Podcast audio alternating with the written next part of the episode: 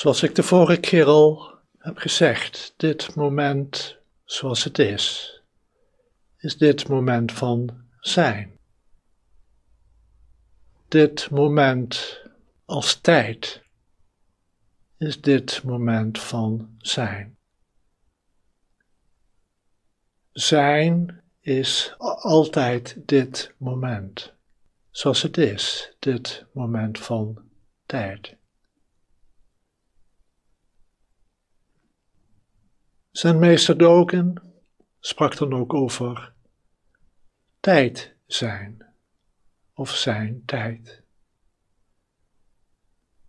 Ons zijn is niet los te koppelen van dit moment zoals het is.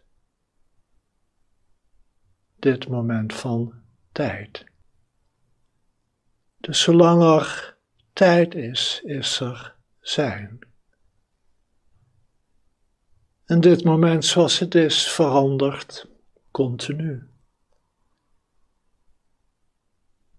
En tegelijkertijd is deze continue verandering zijn. Komt hier ooit een einde aan? Wij denken dat de dood een einde is van zijn, ons zijn.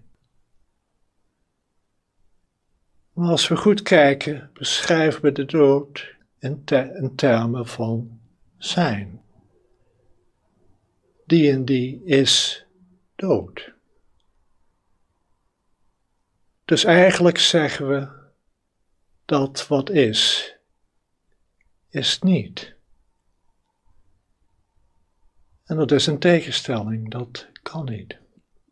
Dat wat is, is. Onze geest denkt in tegenstellingen. Hoog, laag, voor, achter. Links, rechts. Dus natuurlijk denkt het ook in termen van zijn en niet zijn. Als we goed kijken, klopt dit niet. Niet zijn is een constructie van de geest die is. En hoe kan iets dat is ooit een beeld creëren, een verhaal maken over iets dat niet is? Waardemeester Jiu noemde haar boek, eerste boek Zen is Eternal Life. Zen is eeuwig leven. Maar dat eeuwig, daarmee bedoelde ze tijdloos. En met life bedoelde ze zijn. En natuurlijk wist zij ook dat zij als vorm, als de persoon het niet voor altijd of tijdloos zou zijn. Zoals ik al zei, zijn is dit moment zoals het is. En aan elk moment komt een einde, omdat er weer een nieuw moment dan is met een nieuwe invulling.